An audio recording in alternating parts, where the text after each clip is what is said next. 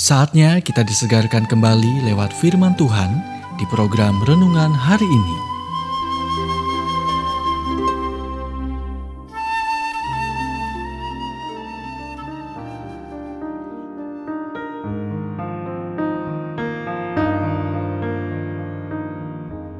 Renungan hari ini berjudul Kata-katamu mengungkapkan hatimu. Nats firman Tuhan diambil dari Matius 26 ayat 73. Nyata dari bahasamu.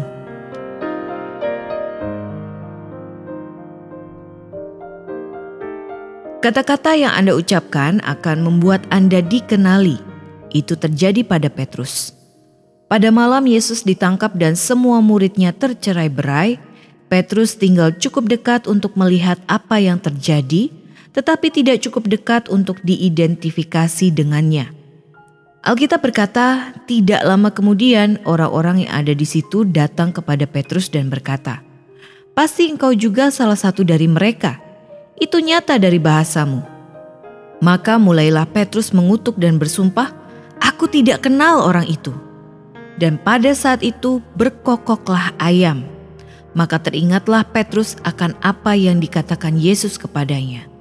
Sebelum ayam berkokok, engkau telah menyangkal aku tiga kali. Lalu ia pergi keluar dan menangis dengan sedihnya. Matius 26 ayat 73 sampai 75.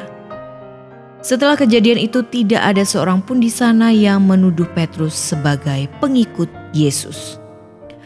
Bukankah menarik bagaimana mengumpat dalam bahasa apa pun memiliki cara untuk membuat orang lain mempertanyakan kualitas hubungan Anda dengan Kristus? Kata-kata Anda memiliki kekuatan untuk membangun atau menghancurkan orang, menarik mereka kepada Kristus atau mengusir mereka. Dengan mengingat hal itu, berikut adalah dua kitab suci yang perlu Anda garis bawahi dan sering pikirkan. Yang pertama, Kolose 4 ayat 6. Biarlah ucapanmu selalu ramah, sehingga kamu tahu bagaimana kamu harus menjawab setiap orang. Yang kedua, Efesus 4 ayat 29. Janganlah ada perkataan kotor keluar dari mulutmu, tetapi pakailah perkataan yang baik untuk membangun, di mana perlu supaya mereka yang mendengarnya beroleh kasih karunia. Hari ini, inilah doa untuk Anda doakan. Bapa, semoga kata-kata yang saya ucapkan hari ini membawa pujian bagi nama Yesus dan menarik orang lain kepadanya. Dalam namanya aku berdoa. Amin. Anda baru saja mendengarkan renungan hari ini. Kiranya renungan ini terus mengarahkan kita mendekat kepada Sang Juru Selamat, serta menjadikan kita bertumbuh dan berakar kuat di dalam Kristus. Bila Anda diberkati, berikan kesaksian Anda melalui WhatsApp di 0817 222959 atau jika Anda ingin memiliki buku renungan hari ini, Anda bisa dapatkan di Radio Suara Gerasi FM, Jalan Setiabudi 31 Cirebon.